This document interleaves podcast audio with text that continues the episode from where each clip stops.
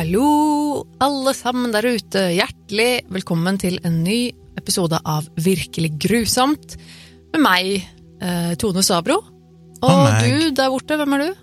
Gunnar Kjomli. Ja, det var det det var, ja. Stemmer det. Det var det samme som du het forrige uke.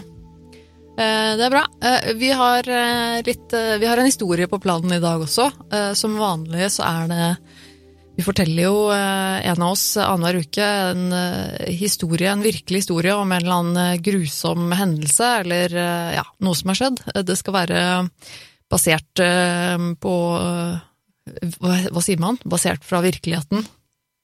Ja, Og, eh, så ikke noe, ikke noe visvas her i gården. Dette er eh, er hardcore virkelig, reality. ja, virkelige grusomheter.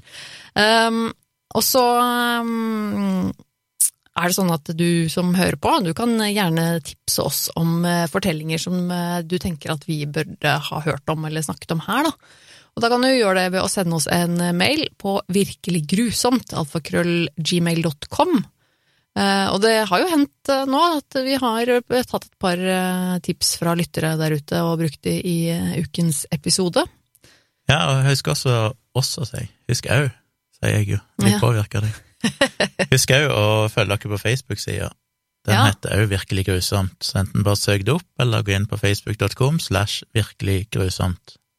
Ja, der legger vi ut eh, litt eh, info om eh, episoden som kommer ut, og litt sånne ting. Det kan nok også skje at det kommer en livestream der etter hvert. Det har jo vært en, En amputert en livestream amputert tidligere. livestream. Det var irriterende at den ble litt amputert, men det var nå likevel gøy, da.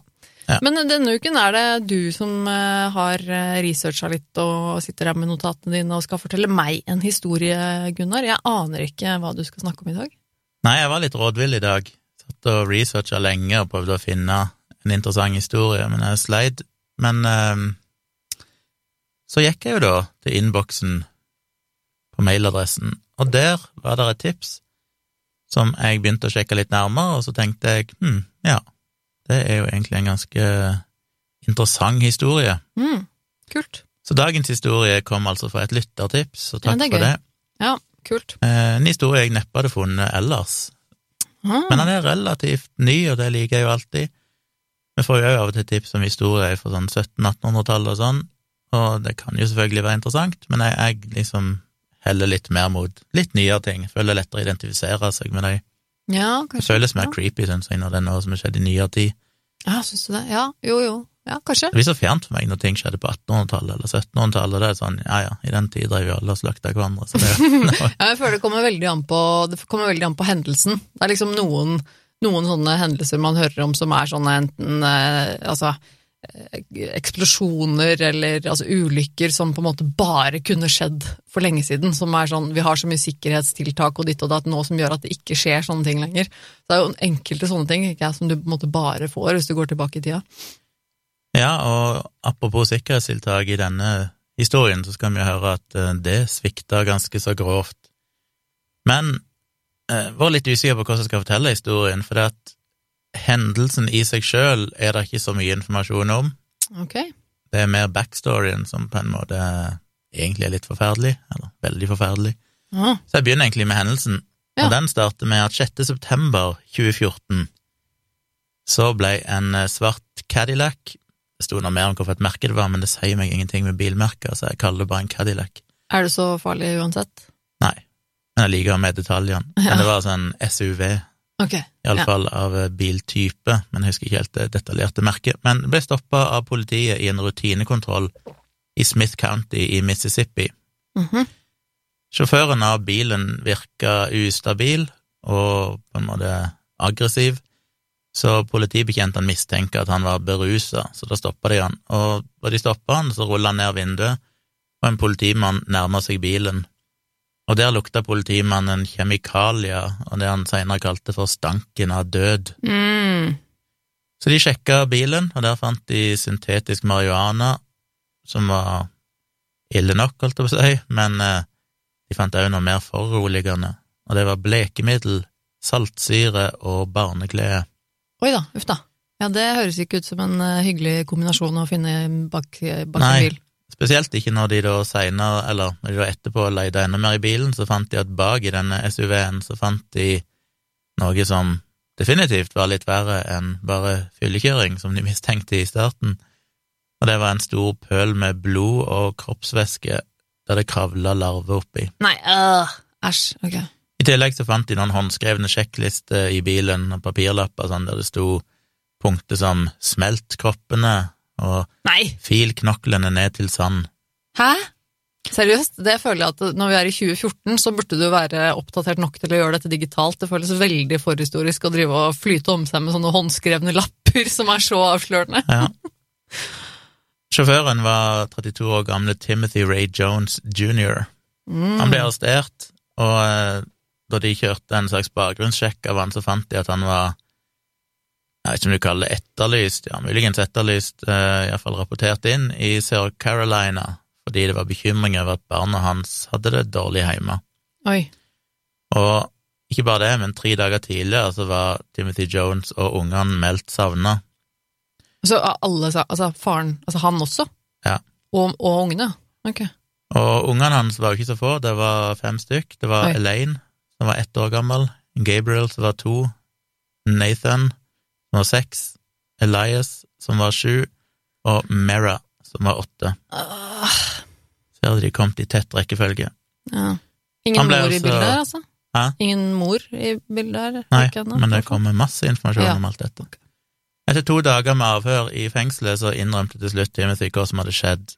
Han eh, hevda da, i den versjonen, at Nathan, som altså han som var seks, hadde ødelagt noen stikkontakter hjemme, og som straff så hadde han fått gutten til å gjøre pushups, situps og squats, vet ikke hva det heter på norsk, som straff. Ja. Så innrømte han òg å ha på en måte daska til gutten før han sendte han i seng. Så hevda han at seinere så gikk han for å sjekke gutten, og da så han at gutten var død. Og da frika han ut og ble sittende og gruble i timevis på hva i all verden han skulle gjøre. Eh, I løpet av den tid så stakk han òg av gårde for å kjøpe sigaretter, bare lot ungene være igjen alene.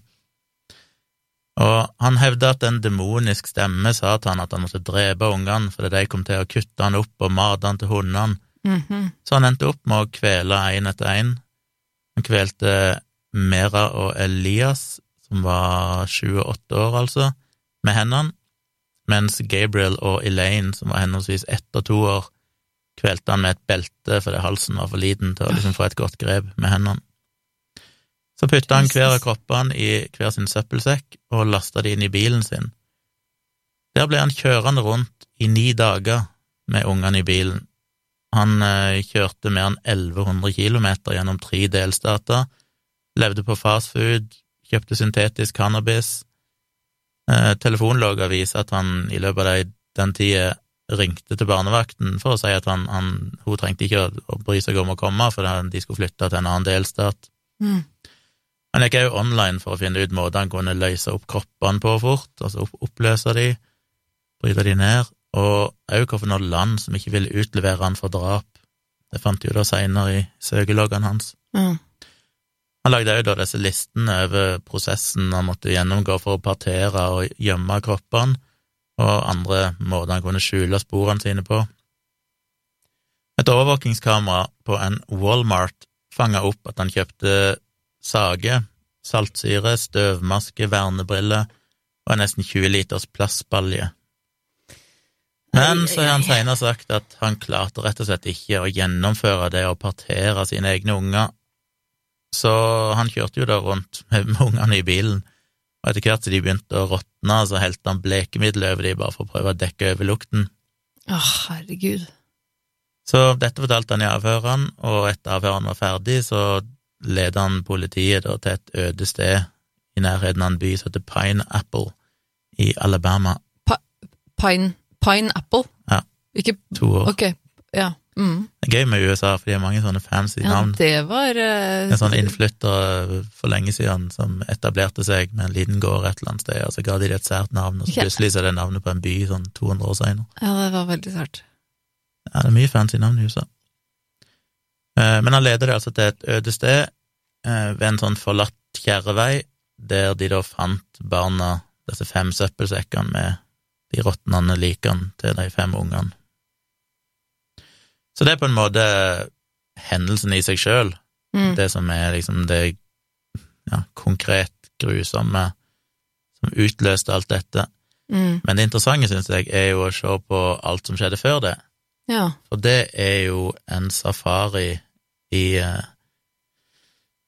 Ja, hva du kalte det innledningsvis? Eh, sikkerhet eller regler ja. som Å ja. hindrer ulykker, holdt jeg på å si. ja. Uh. Sikkerhetstiltak. Ja, sikkerhetstiltak, holdt jeg på å si. Hvis vi går litt tilbake igjen, så var altså Jones, han, Timothy Jones jr., han fremsto jo som en vellykka mann i utgangspunktet. Han uh, var en hengiven kristen, han fullførte studiene sine med æresgrad som Jaha. dataingeniør ved Mississippi- State University. Hvor gammel er han? Han var jo 32 da han ble stoppa. Ja, ok. Mm. Han hadde en godt betalt jobb i Intel, og eh, oppdro altså da fem små unger alene. Men under overflata var det jo mange røde flagg.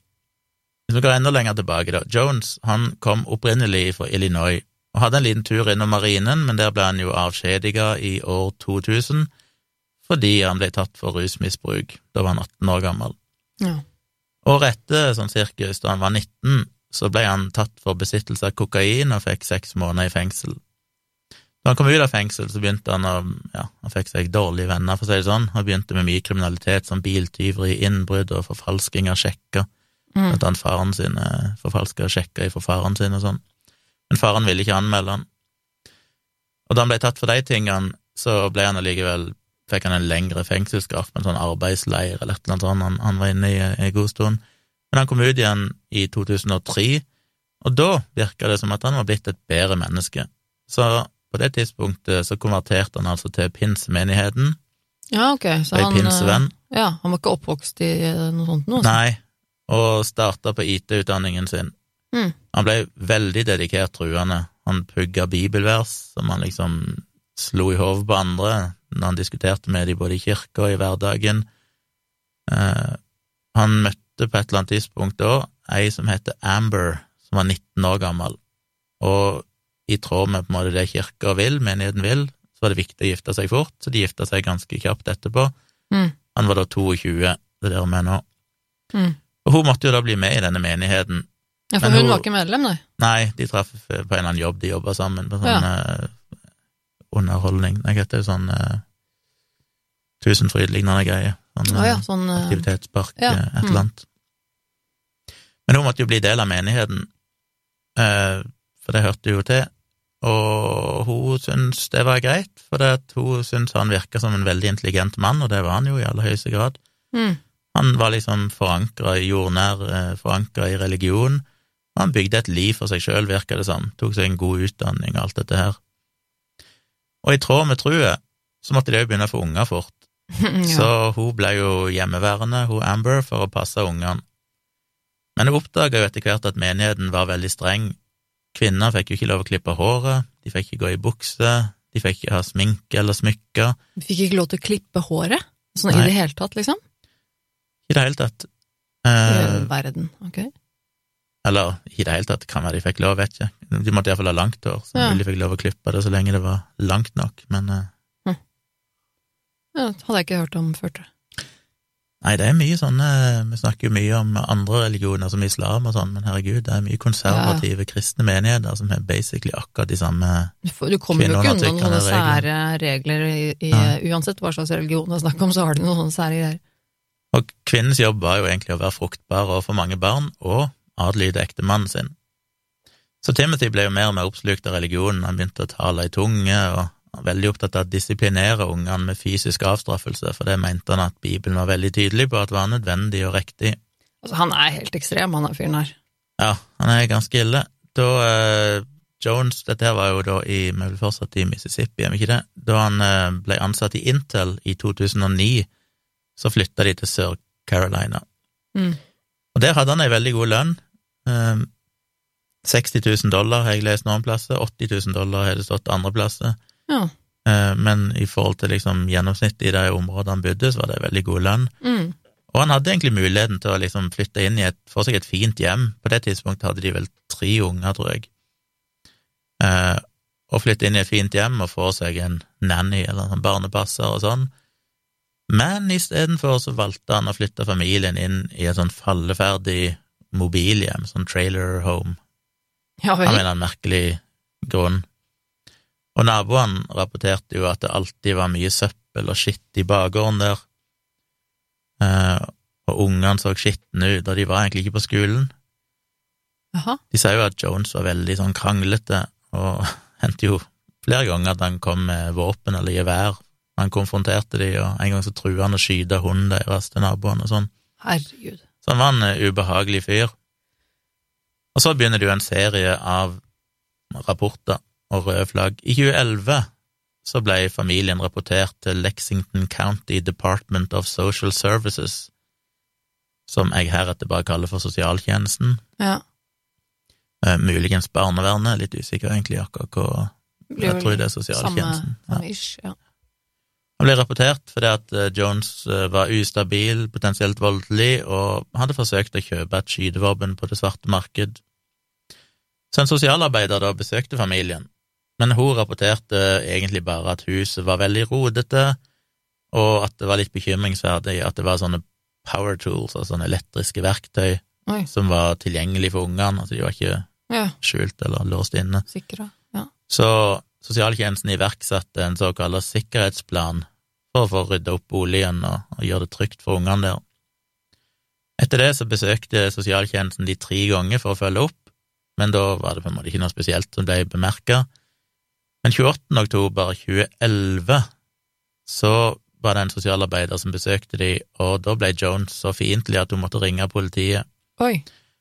Og denne sosialarbeideren rapporterte at, eh, sitat, barna led av mishandling og forsømmelse som representerte en vesentlig risiko for fysisk skade. Wow. Så sosialtjenesten utarbeidet da en ny behandlingsplan, men det ble aldri gjort noen faktiske grep for å beskytte ungene.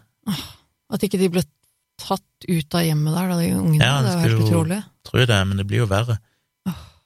På nyåret i 2012 så oppsøkte sosialtjenesten de på nytt, og dokumenterte da fysisk vold og forsømmelse.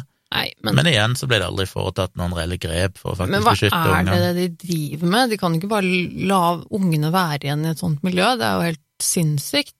Altså, Ja, mye byråkrati og gode hensikter, kanskje, men eh, lite ble gjort. I mai så rapporterte Amber, altså kona hans, eh, Jones eller Timothy, for vold i hjemmet til politiet eller sheriffen og sosialtjenesten. altså moren anmeldte faren? Ja. Ja. Hun hevdet at Timothy hadde trua med å knekke nakken hennes foran ungene og med å skyte naboene. Han hadde òg lekt eh, chicken, altså sånn, ja, med bilen. De hadde vært ute og kjørt med hun og alle ungene, og så hadde de møtt en sånn 18-hjuls eh, trailer.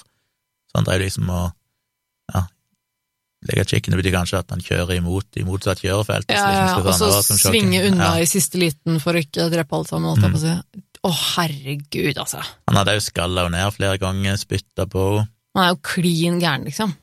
Og igjen så kom sosialtjenesten med en ny plan, oh. men ingenting ble fulgt opp. Nei, det er faen meg helt utrolig. Så en måned seinere så hevda Jones at han hadde ferska henne i å ha et forhold med nabogutten, for hun hadde på en måte blitt fed up av behandlingen. Aha. Eh, Nabogutten tror jeg bare var 19 år gammel. Eh, Hun var vel på det tidspunktet i slutten av 20-årene eller noe sånt. Ok. Så han tok med seg ungene og flytta til noen slektninger i Mississippi. Aha. Eh, Da ringte jo Amber til sosialtjenesten og rapporterte at ungene var kidnappa, men fikk beskjed om at siden det ikke var utarbeida noen sånn formell avtale om omsorgsfordeling, så var det egentlig ikke noe kidnapping. Så de sa at hun måtte få seg en eh, advokat som spesialiserte i sånn familierett. Det at han har vært voldelig med barna, er heller ingen som eh, stusser på, liksom. Nei, Nei da, bare la han ta barna, det går fint.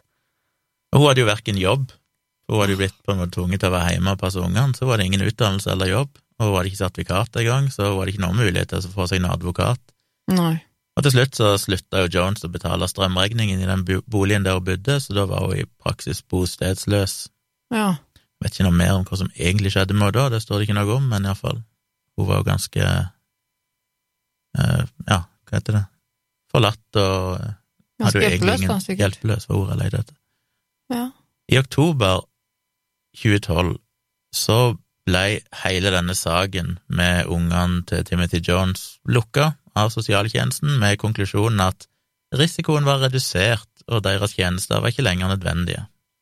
Herregud. På et eller annet tidspunkt, så uspesifisert, så flytta jo tydeligvis Jones tilbake igjen da til Lexington County, der han opprinnelig bodde med kona, fordi i mars 2013 så rapporterte en lærer der til sosialtjenesten at et av barna hans hadde lus, og at Jones hadde vurdert å bruke parafin og en varmepistol for å behandle det, som de jo fant noe bekymringsverdig. Oh. Og over de neste månedene så rapporterte skolen to andre tilfeller av mistanke om barnemishandling, blant annet at de ble straffa med å bli piska med belte eller slått med belte. Og responsen fra sosialtjenesten var atter en gang å skissere en sikkerhetsplan, uten at de faktisk nei, gjorde noen ting med det. altså. Sommeren 2013 så søkte Timothy om skilsmisse fra Amber på grunnlag av at hun hadde da vært utro. Han krevde også å få omsorgsretten til ungene, fordi han påstod at hun ikke stelte godt nok hjemme, at hun var arbeidsledig, og på grunn av livsstilen hennes generelt sett. Hans kriminelle historie, at han hadde sittet i fengsel to ganger og vært tatt med narkotika og Ja, en historie med rusmisbruk. Ja, det er åpenbart at det er mor som er den dårlige forelderen. Ja, ja, helt to, liksom. Eh, At han hadde gjentatt rapport om familievold og gransking av barnemishandling og sånn, det ble aldri nevnt i saken. Så han fikk Og- foreldreretten, han, eller? Ja, Amber hadde jo ikke penger til advokat, Nei, fy faen. og hun var såpass hjelpeløs at hun tenkte at eh, ja, ja, de har det kanskje bedre hos faren, fordi hun hadde ingen penger til å ta vare på dem, Nei. så hun bestreid på en måte, eller gikk imot hans søknad, så han fikk omsorgsretten. Så den 30. september 2013 så ble skilsmissen formalisert, og han fikk da hovedomsorgen for ungene. Amber fikk se de annenhver helg og i noen ferier. Og så igjen så er det litt sånn uklart, jeg leser forskjellige artikler, men eh, det fortelles iallfall fall at det virker som at der han bodde da, med ungene, så leide han en rekke med barnevakter da, til å passe ungene mens han jobba. Mhm. Og Ja, for de Etter- går fortsatt ikke på skolen, de ungene her, stakkar. Ja, det er litt sånn uklart. Eh, I utgangspunktet så har han jo sagt, det kommer vel egentlig til et eller annet plass, uh, jeg fikk det ikke helt klart for meg, men Eller det er vel kanskje litt begge deler, for det er vel noen av ungene kanskje som går på skolen, men de andre er er klart vel noen er jo for små. Ja, så de er sikkert Men han ville egentlig ikke at de skulle gå i offentlig skole, for at han var lei av at de drev og rapporterte barnemishandling. Ja, de driver og påstår at han er en dårlig far. Skjønner ikke det, altså. Og muligens òg på grunn av religionen og sånt, ville han helst hjemmeskolere de. Å, ja. Men eh, så opprinnelig når de fikk ungene, så ville han at de skulle gå på hjemmeskole, men hun var jo ikke kvalifisert til å undervise de sjøl, hun Amber. Å, ja. Mm. Så de endte vel kanskje opp i skolen litt sånn mot hans vilje. Eh, Og et par av barnevaktene har senere liksom vitna sagt at han virka som en glitrende far, og huset var ryddig, og han var en dedikert, oppmerksom og fantastisk far og sånn. Jaha. Jeg bare leste jeg en artikkel som virker veldig rart, for at alle andre rapporterer jo det motsatte. Hun betalte hun da, eller så er det kanskje Gudene vet hvorfor de sa det, kanskje han bare hadde en liten periode der ting gikk greit. Ja, ja, for så vidt kan jo hende det. Men på et eller annet tidspunkt så ansatte han ei som heter Crystal Ballantyne, som bare var 17 år gammel og sjøl hadde ei babydatter. Og etter kort tid så ble hun elskerinna hans og på en måte bodde der fast. Mhm. Og han fikk jo da til å bli med i denne kristen fundamentalistiske menigheten. Ja. Og da begynte, ja, så begynte han å forlange at hun måtte tilpasse seg, ha lange kjoler, la håret gro, være underdanig for ham. Men hun oppdaga jo at han var ganske ufin med ungene sine, mishandla de. Ifølge hun så slo han de temmelig hardt, og tvang de for eksempel til å stå i, på tå i et hjørne. Og etter hun observerte at han piska babydatteren sin oh, med belte, så stakk hun.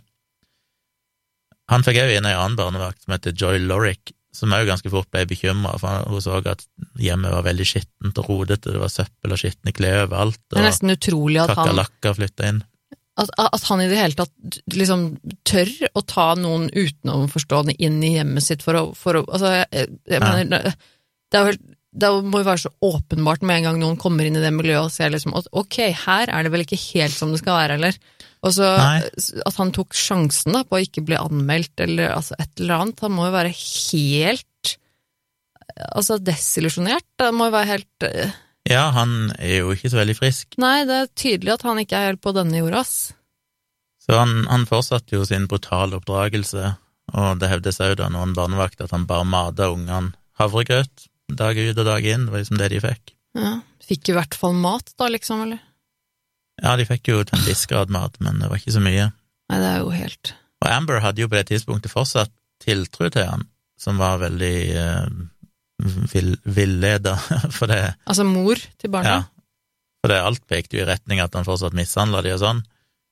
Men eh, i april 2014 så rapporterte en lærer et blåmerke i form av en hånd på et av en av ungene, og den ungen så hadde blitt eh, tatt eller grabbed og dratt rundt i huset som straff.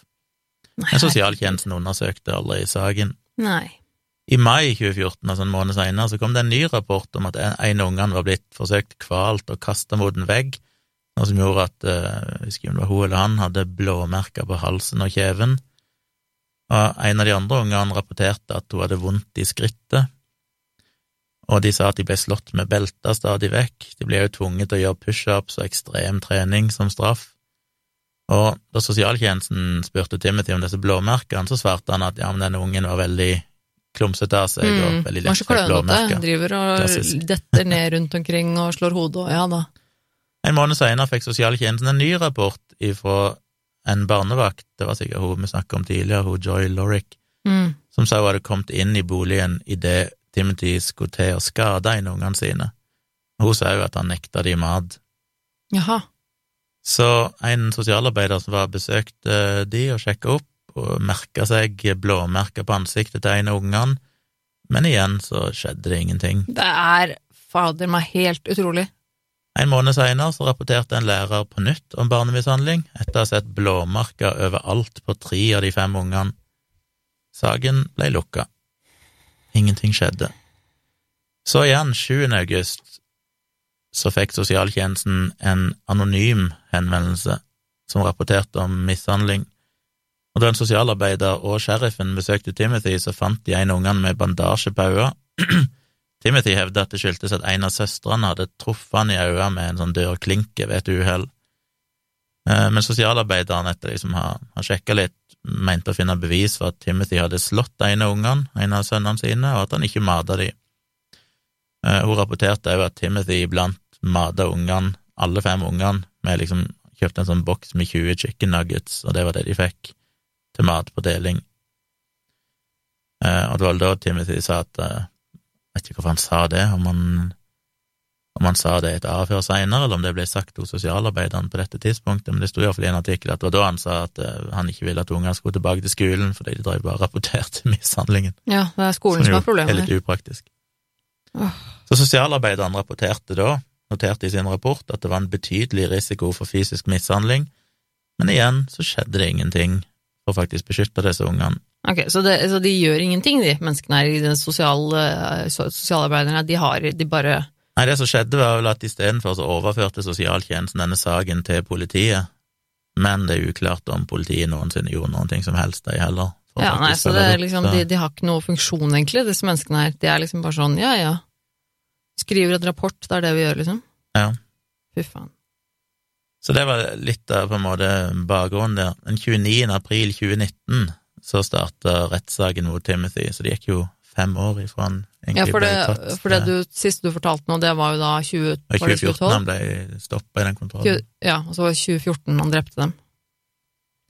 Og det er interessant, for jeg har sett på litt bilder sånn, og det ble bemerka i en artikkel òg hvor annerledes han så ut i 2019. Jeg kan ikke skjønne at det var samme mann. Oi, Og på de bildene, liksom, når han blir tatt eh, eller arrestert, så er han liksom en ganske sånn skinny, tynn eh, fyr med hår og litt sånn, ja, en sånn rufsete skjegg. ok.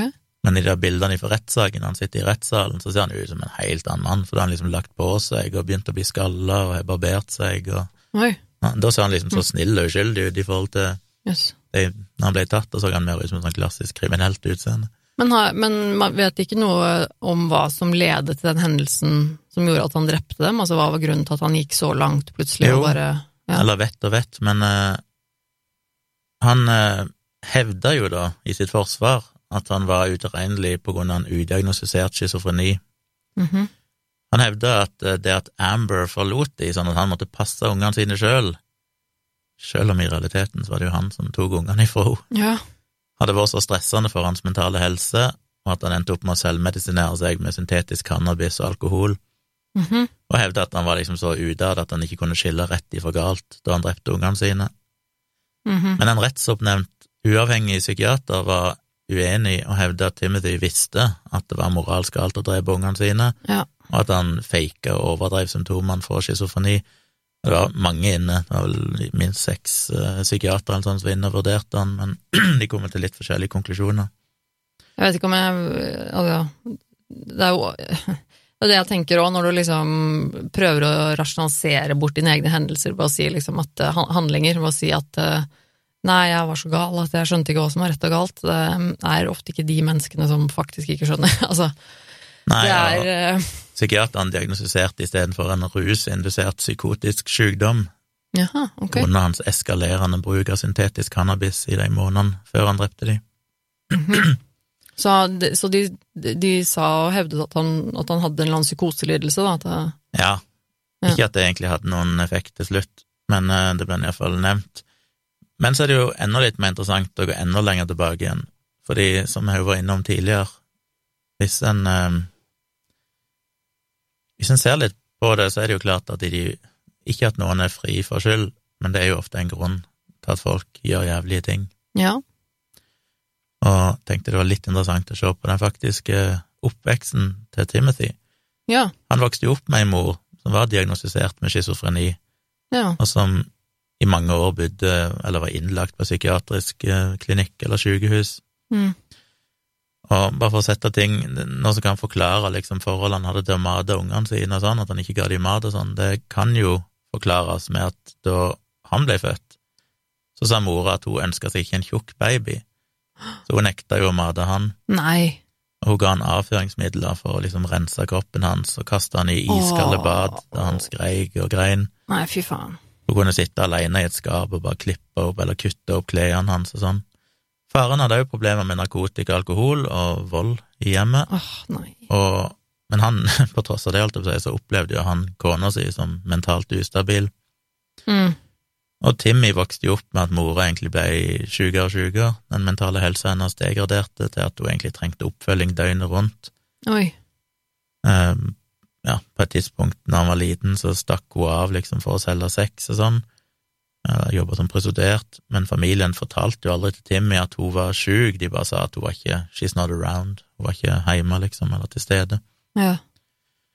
Da faren til Timmy var 20 år, og Timmy altså var veldig liten, så tok han med seg Timmy og flytta til moren sitt hus, og der vokste jo da Timmy opp i en verden av vold, narkotika og alkoholmisbruk. Men han var jo veldig, veldig smart. Han var basically et mattegeni og ekstremt flink med datamaskiner.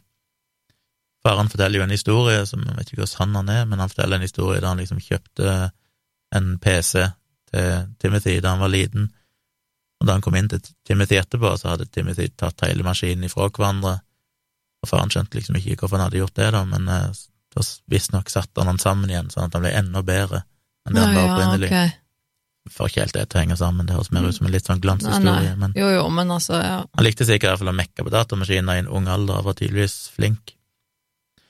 I det hele tatt at han klarte å ta ut datamaskinen fra hverandre og sette den sammen igjen, er jo ikke så altfor verst når du er veldig liten. da. Nei, Ikke jeg vet, har det, noe han gikk i barneskolen, liksom. Så, Ja, nei, ja, det tyder jo på at han var øh, veldig smart. så han hadde jo anlegg til å egentlig ha et vellykka liv, sånn sett. Han var flink på skolen, så gikk jo ble uteksaminert, uteksaminert med, med sånn æresbevisning og sånn, fikk så gode karakterer og sånn. Mm. Eh, Men igjen tilbake til barndommen. Han fikk det verre i tenårene.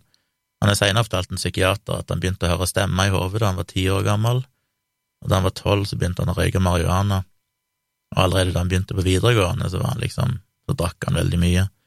Ja. Og da han var 15, og dette kan jo forklare en del, så var han i ei bilulykke som ga han en, en hjerneskade, egentlig. Han førte til at Altså, en lege som vitna i rettssaken, kalte det at han, han egentlig hadde en ødelagt hjerne.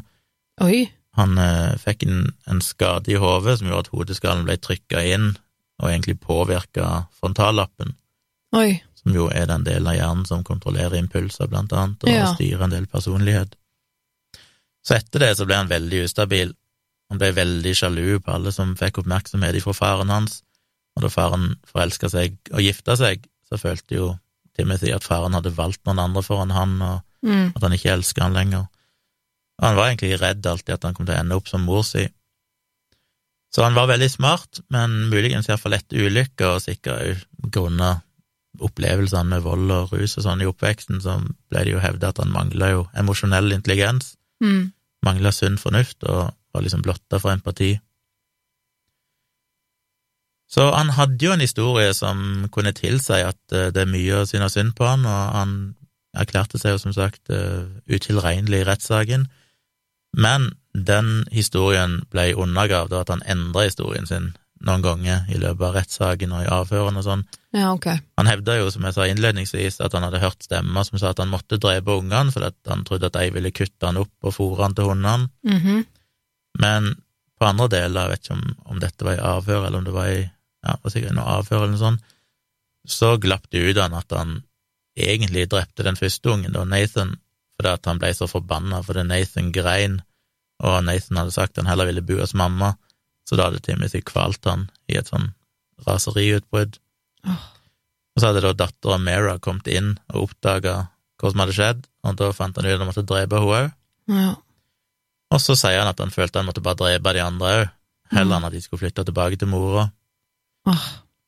Så det som er litt sånn klassisk her, det er jo at Timothy var jo en, en godt dokumentert barnemishandler, Em, delvis fordi han sannsynligvis var psykopat på et vis, altså han hadde ikke Mm. noe empati og sånn, men òg av religion, at han var dedikert, eh, han var på en måte hjernevaska av religion, og mente Ja, at mishandling var en del av oppdragelsen. Ja, og med, med det utgangspunktet som han hadde da, så, så det at han ble helt sånn fanatisk religiøs, det må jo bare ha gjort ham mye, mye verre. Altså, jeg tenker at det åh, Ja, det er jo sånne er jo- folk som er farlige. Ja, når de kommer inn i sånt system, for at de er jo Så det som òg er er klassisk, og jeg kjenner jo sjøl fra mitt eget liv eh, folk som er like irriterende på dette området, og det er jo at han ble jo en sånn hevngjerrig kontrollfrik som heller Eller som bare ville ha omsorgsretten, ikke fordi han egentlig brydde seg om ungene, men bare Nei. for å hevne seg på Amber. Ja, fordi for at hun skulle i hvert fall ikke få de.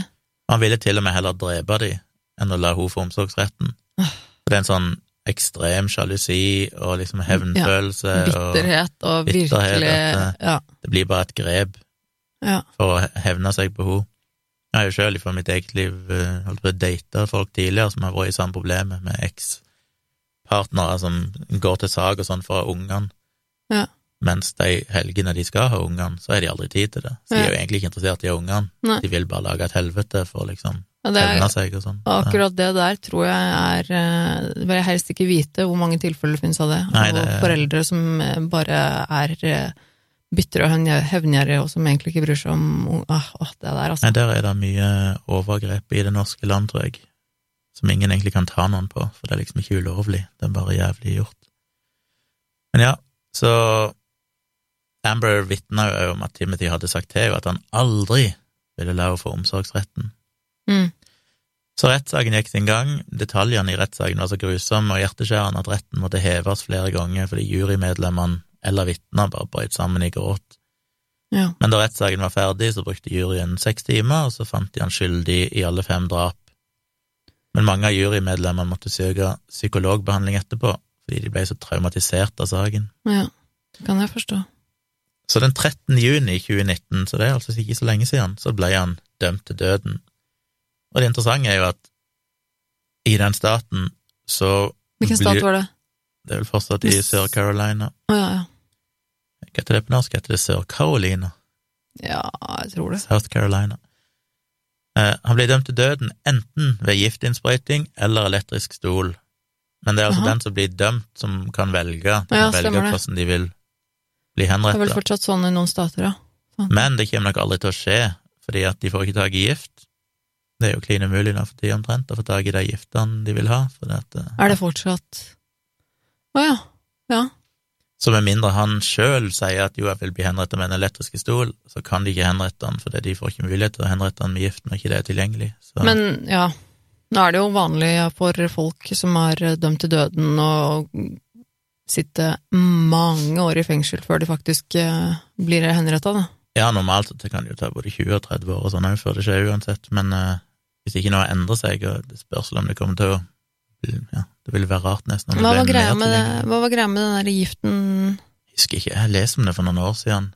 Ja, jeg også husker det, for det, de, det har jo vært mye kontrovers rundt den, egentlig, altså generelt, stadig rundt det med dødsstraff, Ja. og hvordan å ta livet av mennesker på en mest mulig human måte uten at de skal lide, så videre, og så har man jo tenkt at da denne giftsprøyta har vært den eh, mest humane metoden, men så har det visst kommet fram liksom ja, det var de mange tragedier der. Ja, og så bruker de jo, det er jo ikke bare én, ett stoff, ikke sant, de sprøyter er jo inn, er det to eller tre forskjellige stoffer og er etter hverandre, ikke ja. få, og så er det noen av de som har vist seg at kan egentlig gi veldig smerte, eller som ikke funker så bra som de tror. Altså, et eller annet, jeg husker ikke nøyaktig hva det var, men det har i hvert fall vært veldig Men det er for det er jo noen år siden nå. Men var det sånn at de da stoppa at, de, at det ble ulovlig, det ene?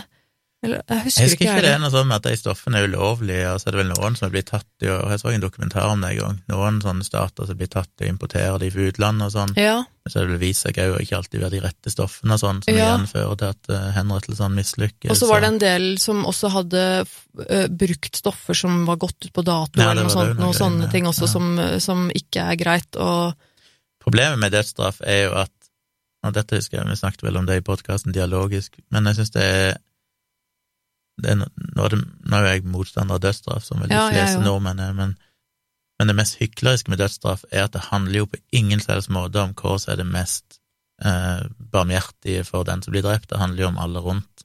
mm, For det, hvis du virkelig ville ha en effektiv dødsstraff, så er det jo skyting eller Ja. halshogging. Ja. Men det er forbudt, Ja. merkelig nok. Men vi velger elektrisk stol og gift, for det det på en måte er Det føles som at du, du tar det litt vekk ifra at noen er skyld i det. Altså skal du skyte, så må fortsatt noen trykke på avtrekkeren. mm, det, det er på en måte Men det er så absurd at ikke hvis de virkelig vil ha dødsstraff i disse statene, hvorfor i all verden henretter de det ikke med gevær? Det er jo en sikker måte. Du har liksom ti personer som alle skyter mot hode og kropp, hjerte, eller hva det er. Så dør den personen umiddelbart. ja, Men det er liksom, det vil for- være en belastning for de som er henrettet. Men det er liksom Ja. sånn, ja, men hvis du innrømmer at det er en belastning, og at det føles galt, kanskje du bør tenke tanken om at henrettelse i seg sjøl er galt. eh, ja. Kanskje dere derfor ikke burde ha dødsstraff. Men nei da, de skal ha dødsstraffen, de vil bare ikke helst føle på det moralske kvalene ja, ikke sant, de vil ha dødsstraff, de vil at personen skal bli drept, men det er bare ingen som vil gjøre det. Ja. Det er sånn, men hva, det er så absurd, og, og derfor ja. ender du opp med et sånt system der du har elektrisk stol og gift, som er de minst humane måtene Ja, det er helt grusomt, for at de driver liksom og snakker om at de skal henrette folk på mest humane måte, men de bryr seg jo egentlig ikke om det i det hele tatt. Nei, for hadde de brydd Og seg det om det, så hadde det vært henretting Ja, eller det er halshogging eller noe sånt. det er helt eh, Det syns jeg er altså så horribelt. Men folk Eh, liker bare ikke å tenke på halshogging og det å skyte noen, liksom, så det Anyway, i Sør-Carolina så er det ikke henretta noen siden 2011, Nei, ok. så det Hm. ser ikke Ja, hvis ikke noe skjer i framtida, så kommer han vel sannsynligvis bare til å sitte inne resten av livet. Ja, bare jeg skulle si at han kommer i hvert fall aldri ut igjen av fengsel. Um, Men det er to aspekter ved denne saken, i tillegg til den forferdelige tragedien. Altså, det er så mange ting her. Det ene er jo hvor forferdelig oppvekst han har hatt sjøl, at sånn, Mm. du kan nesten skjønne at han ble koko.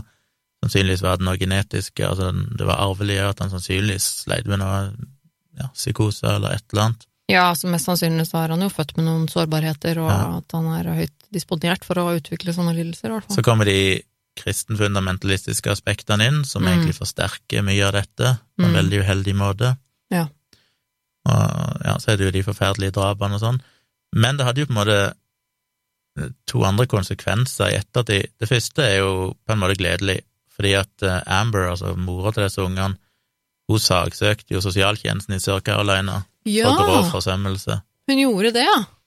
Og det viser seg jo da at dette var jo ikke ukjent, fordi allerede før disse drapene skjedde, så var det såpass mye bekymringsmeldinger at det var iverksatt en komité som liksom hadde høringer for på en måte kartlegge sosialtjenesten der, God og finne damn. ut hvordan ting egentlig fungerte, og da var det mange andre foreldre som vitna om tilsvarende saker, der det var rapportert inn mishandling og forsømmelse og sånn, men ingenting ble gjort. Ja.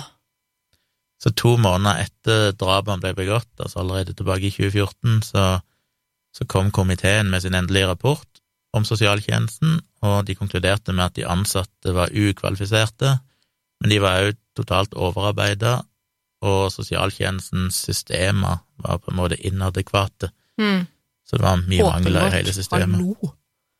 Ja. Men på grunn av at de hadde så dårlige rutiner for å dokumentere ting og sånn, så visste faktisk ikke sosialtjenesten sjøl hvor mange unger i systemet som hadde blitt drept som en følge av mishandling og forsømmelse Å, gjennom alle de årene. Gud. På den positive sida så kom det som konsekvens at sosialtjenesten fikk en del mer midler, så de har vel ansatt en nesten 200-250 nye saksbehandlere og assistenter. Men det var ikke i de artiklene jeg leste, klargjort ennå om det òg kom til å føre til liksom bedre utdanning og trening og bedre rutiner for dokumentasjon. Men de fikk iallfall flere ansatte, som forhåpentligvis da kan føre til at sakene blir fulgt opp skikkelig. Jeg får jo håpe det.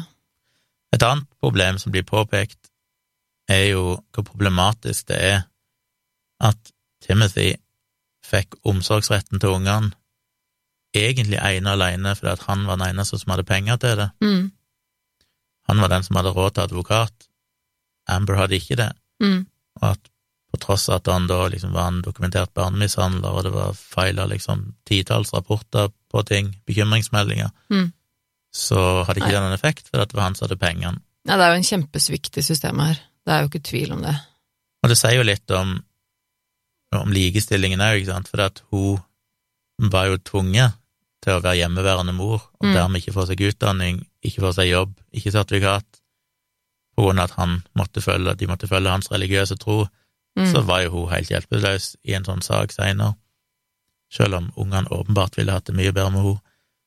Så det er jo en sånn svakhet i systemet, at, eh, og igjen, dette er jo sett i Norge òg, eksempler på fedre som åpenbart som har hatt kontakt med barnevernet flere ganger for å ha vært til dels voldelige mot ungene og fors- forsømt ungene sine behov, men som allikevel ender opp med å liksom få omsorgsrett fordi de har en jobb, og de kan fremstå som mer Økonomisk stabile, liksom. ja, Mm. eh, nettopp fordi de ikke har ungene.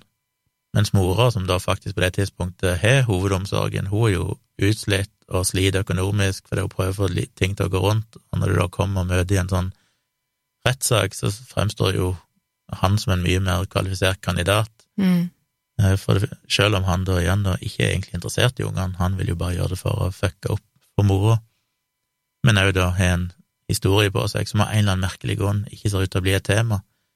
De ser bare på situasjonen der og da, liksom, hvem virker som Jeg vet ikke, det virker bare som at eh, det er problematisk. Så det er på en måte det som eh, Ja, den ene tingen var jo litt positiv, at de iallfall fikk gjort noe med sosialtjenesten i South Carolina til en viss grad. Mm. Det andre problemet med at eh, de som har penger, er de som gjerne ender opp med å få omsorgsretten på tross av hvor jævlig de er, Mm. er det vel ikke blitt gjort noe med, og sånn er vel ting fortsatt. Men det var iallfall historien om eh, Timothy, som Ja, endte opp med å drepe sine fem unger. Det er jo virkelig en forferdelig tragedie. Det er jo helt eh, Du hadde meg helt egentlig i starten der, når du sa det der med at han Og det, fikk, det gjorde meg at jeg fikk så vondt i magen. Og du sa det med at uh, han kvelte ungene sine, men han måtte bruke belte på de yngste fordi halsen Ja. deres var så liten at, at hendene hans var for store. Altså, det er bare sånn Åh, jeg, jeg får det Å, jeg blir så Ja. Jeg vet ikke hvilket ord jeg skal bruke engang. Det er skikkelig, det er skikkelig jævlig, ass. Jeg så det var i en artikkel så var det lenka til en tweet ifra der de snakket ja, bare sånn at Intel hadde tilbudt sine ansatte psykologoppfølging Å ja. de fant ut av Arbeidsplassen hans, ja. hva som hadde skjedd og sånn. Men, men liksom det er bare det at han var Han jobba i Intel, liksom. Mm. Høyt utdanna, Mm. god lønn. Fremsto som Tydeligvis dyktig i det han drev med, da. I Ja. jobben sin, liksom. ingen som visste noen ting, på tross av at det var rapportert så mange bekymringsmeldinger. Men det er jo utrolig trist. Altså hele Og jeg tenker jo også at, eh, som du også sier til, at det er viktig å understreke at, at han er 100% ansvarlig for de handlingene han gjør, og at det er overhodet ingen unnskyldning. Oppveksten hans er overhodet ingen unnskyldning, ikke sant. Det er aldri greit å gjøre sånne ting. Men det er jo på, jeg tenker at det har nok en, en god del av forklaringen da, på hvordan han er blitt som han er blitt. Det må du jo ha. Jeg tenker også at En ting er genene, liksom, at han, begge hans foreldre tydeligvis hadde både slet med rus og avhengighet, men også av psykiske lidelser, da, som er ganske tunge type psykiske lidelser, for det er jo ofte ting som kan gå i arv, da, den sårbarheten der. Og ikke det at man blir voldelig eller, eh, eller draps, eh, drapsmenn, eh, kvinner, av, av å ha psykiske lidelser, overhodet ikke. Det er, det er ikke noe det jeg mener, men, men du har en sårbarhet for å bli sjuk, eller for å slite med psyken, og, og kanskje da, når du i tillegg, som han da tydeligvis hadde eh, oppvokst altså, i et hjem som var voldelig, og denne ulykken du snakket om, og i tillegg til at han begynte å, å putte i seg rusmidler eh, fra tidlig alder, og det er jo bare en oppskrift Det er det som er, på katastrofen. En ting er jo at sosialtjenesten i Sør-Carolina på det tidspunktet, på 2000-tallet, var inkompetent, Mm, men tilbake igjen på 80-tallet, når han vokste opp, i Mississippi, var det vel, eller hvordan var han, mm, så er det jo åpenbart at noe svikter der òg. Ja. For det å vokse opp med en, en, en svært sjuk mor som er liksom mm. på sykehus i mange år, Ja. og forlater ungen sin for å selge sex store deler av livet, og helt åpenbart mishandler han. Ja, Og så er det en far som mishandler og ja. er store rusproblemer. Og at det er ingen av, dem som, ingen av de foreldrene som får noe hjelp, og heller ingen som tar seg av dette barnet, da. At han røyker marihuana når han er tolv og er omtrent alkoholiker når han begynner på videregående. Ja, det er jo helt åpenbart at det er, det er jo han, han kommer Ingen jo som plukker opp det, liksom. Men det skal mye til da, for at han får et uh, tilnærma normalt liv da, når han blir voksen, liksom. Ja, hva var liksom hjelpen hans når han var barn sjøl? Nei, det er uh, utrolig trist. Og så er, men så er det jo Åh, nei, også dette med religionen og det er fanatiske som han begynte å surre seg opp i, da, og som øh, er jo bare tragedie på tragedie. Altså de ufattelige, stakkars, uskyldige små barna som de fikk sammen, som bare de aldri, aldri skulle ha fått. Eh, I denne saken, altså det er jo saker der du har folk som gjør forferdelige ting, og det er kanskje vanskelig å forstå, for det det er bare sånn noen finner ut de skal drepe noen. Mm, Men her er det liksom så mange ting som svikter. Det er liksom oppveksten hans, det at han blir blandet inn i kristen fundamentalistiske religion, som putter rare ideer i hodet hans, det at han har en hjerneskade, det at sosialtjenesten svikter, det er mm, liksom så mange ting, egentlig så mange plasser det på en måte kunne blitt fanga opp og stoppa før det gikk så galt som det gjorde. Men jeg syns jo likevel, altså bare sånn for min del, jeg er litt opptatt av det, da, eh, at, det, at jeg bare vil understreke hvor viktig det er at uansett, selv om du har en psykoselidelse eller schizofreni, eh, diverse sånne ting, psykiske lidelser, det i seg selv gjør jo ikke at folk eh, blir gærne nok til å drepe noen, ikke sant? Eh, det, men jeg tror at mye Jeg tenker jo at, at han, han kunne jo ha hatt eh, eh, han kunne vært psykotisk og hatt mye psykiske lidelser og ha, eh, vært mye syk uten å bli voldelig og uten å, å ville skade noen, ikke sant? Fordi de fleste som har sånne lidelser, de er jo ikke farlige mennesker.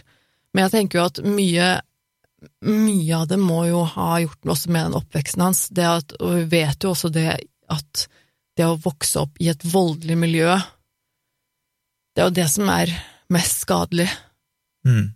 her, ikke sant, det at han, at han vokste opp med foreldre som var voldelige, og som altså helt åpenbart eh, ble han jo sviktet. Det var jo, han, det var jo omsorgssvikt eh, i aller høyeste grad, ikke sant. Han, og det er noe med at når du er så liten, og når du vokser opp med det, så, så får du ikke utvikla de evnene du trenger i livet for å knytte deg til mennesker, for å danne relasjoner, for å vite hva som er vanlig og ikke vanlig, ikke minst. Ikke sant? Og, så, og de tingene der, det er så ødeleggende for, eh, for barn, da.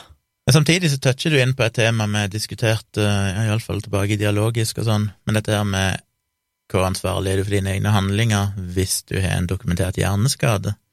Ja, Det er sånn, Kan du dømme noen til dødsstraff hvis du har en lege som vitner om at han har en ødelagt hjerne, der frontallappen, pannelappen, er påvirka, sånn at du mangler empati og sånn? altså ja, det der er litt interessant. Burde det der med da- den hjerneskaden. Ikke at du skal nødvendigvis gå fri, men at du kanskje får en mildere straff og iallfall får behandling, mer enn at du skal få en dødsstraff, på en måte. Ja, ja det må jo gå an å stille spørsmål med hva Eller fall du har til å skille rett ifra galt når du har en skada hjerne, på en måte. Ja, i hvert fall jeg tenker jo at eh, hvis det er tilfellet, da, på en måte nå, og sånn eh, vanskelig å si, men det ble jo rapportert at han endra jo personlighet ganske Ja, betydelig og- og- etter den bilulykka. Men jeg tenker jo at altså Ja, selvfølgelig, det kan nok godt stemme det, men det er jo vanskelig å vite hvor mye av det som er sant, og det er jo vanskelig å bevise eh, om det er direkte tilknyttet eh, hverandre. Det at han ble voldelig og drepte noen, eh, om det er en direkte følge av den hjerneskaden, det er jo vanskelig å vite. Men uansett så tenker jeg at kanskje Kanskje han da var såkalt utilregnelig, da, i hvert fall. At, man, at han burde vært kanskje dømt til behandling, altså forvaring i en behandlingsanstalt, i det minste, eller noe sånt. Hva Ja, skal jeg si, for jeg vil jo anta at han var tilregnelig. han visste hva han gjorde. Ja, men jeg syns det tilregnelighetsspørsmålet er litt sånn vanskelig. Men jeg syns jo det er noe annet å si at du kan være ved dine fulle fem og tilregnelig, men du er ikke i stand til å skjønne effekten av det du gjør, fordi at du mangler empati. Jeg mener, hvis ikke du klarer å føle på andres smerte, og må du skjønne hva som er rett og galt på den måten, Ja, så kan du jo være 100% klar i hodet og alt mulig sånn, det er bare at du har ikke den evnen. Det er som om du skal være fargeblind eller mangle luktesans, altså det er bare noe du ikke kan ta til deg av informasjon. Jo, men, men det, en, en ting er å på en måte ikke føle på empati eller å ha de eh, Altså, men det er jo følelser. Noe annet er jo det, det rasjonelle tanke... Altså, du kan vite moralsk sett at det å drepe noen er galt, men likevel ikke føle at at det er slemt gjort. Ja.